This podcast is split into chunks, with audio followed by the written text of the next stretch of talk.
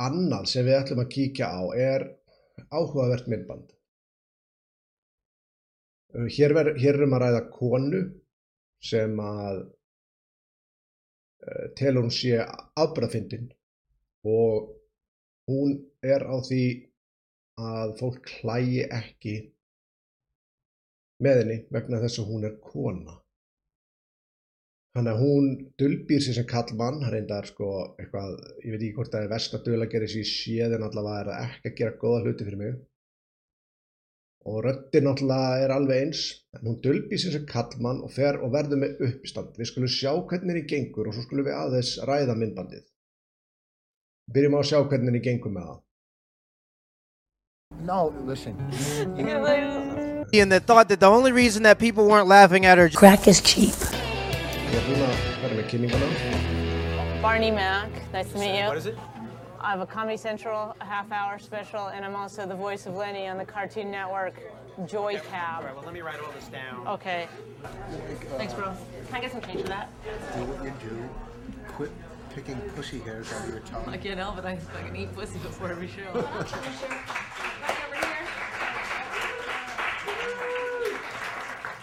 Ok, nú er hann að fara á svið, við skulum sjá hvernig hann gengur. S- henni gengur sem hann. I love animals. I would never buy any. Uh, I would never buy any product that have been tested on animals. Never, because I like to do that myself at home. Make sure the control group is isolated. You don't know what they're doing in these labs. Very loose guidelines. This lady wants me. I can totally tell. I know I'm weird. I'm a weird dude. Oh, brother, this guy stinks! I used to always carry a man purse, a merce. You ever carry one of those? What? Bro, what are you talking about, man? A merce. I loved it. I loved that merce. But I was losing it. I'd lose it everywhere. I was always leaving my merce around. You know, I kept losing my merce. So I just started carrying everything on my person, my pants. Uh, þegar að þín hugmynda húmor er að segja orðið merce nóg oft, eða man purse, þá var ég ekki vissum að kynni þessi vandamálið sko, ef ég var alveg hreinskilinn. I only lost my pants a couple of times. So that's really working out. Oh, come on now, dog. Come on, man. All right. Thank you very much, everyone. Good night. Svo við sjáum, þá gekk þetta glimrandi vel og, og uh, aðilinn sem fekk, já, engan hlátur sem kona, það er uppsker, ég hlátra sköll sem að bara ætla ekki að stoppa. Þegar hún fer upp á svið sem kallmaður, en það augljóst að, að uh, skorturinn á klappi og öðru er tengdur kynferði þarna en ekki, en ekki bröndurunum.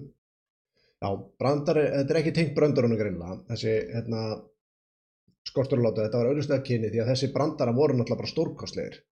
Við sáum það öll, hérna, sjáum viðbröð hennar aðeins við þessu, þegar raunveruleikin, það byrjar að kikka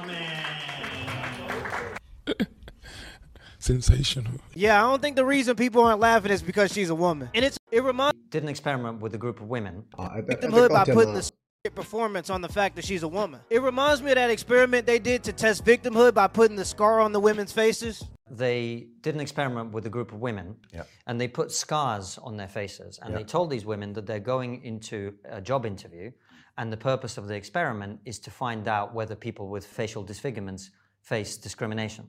Uh, they showed them the scars in the mirror.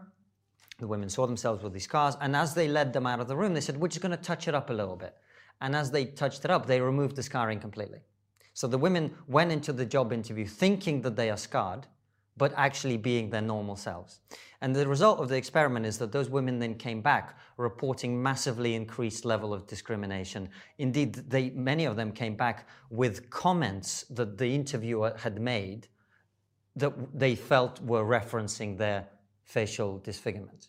And this is why I think this ideology of victimhood is so dangerous because if you preach to people constantly that we're all oppressed, then that primes people to look for that. And that's why I always try to tell people don't bl- Blame your Mjög áhugaverið punktur, ég var reynda búin að gleyma að þetta væri í myndbandinu þannig að það var ágætt að koma bara inn á þetta fyrir þú veist ef að fólk er að fer inn upplifandi sig sem fórnalamb til að byrja með þá náttúrulega er það það sem að þú mynd já, upplifa og finna alltaf fyrir það er veist, að þú sért einhvers konar fórnalamb, alveg sama hvort þú ert að ekki að því að um leið og þú byrjar að upplifa þessum fórnalamb þá ertu orðið fórnalamb og það er engin leið til að lifa það er versta leið heimi til að lifa því að ef að allt er já, ef ekkert er þér að kenna það þýðir að þá getur þú ekkert gert í því.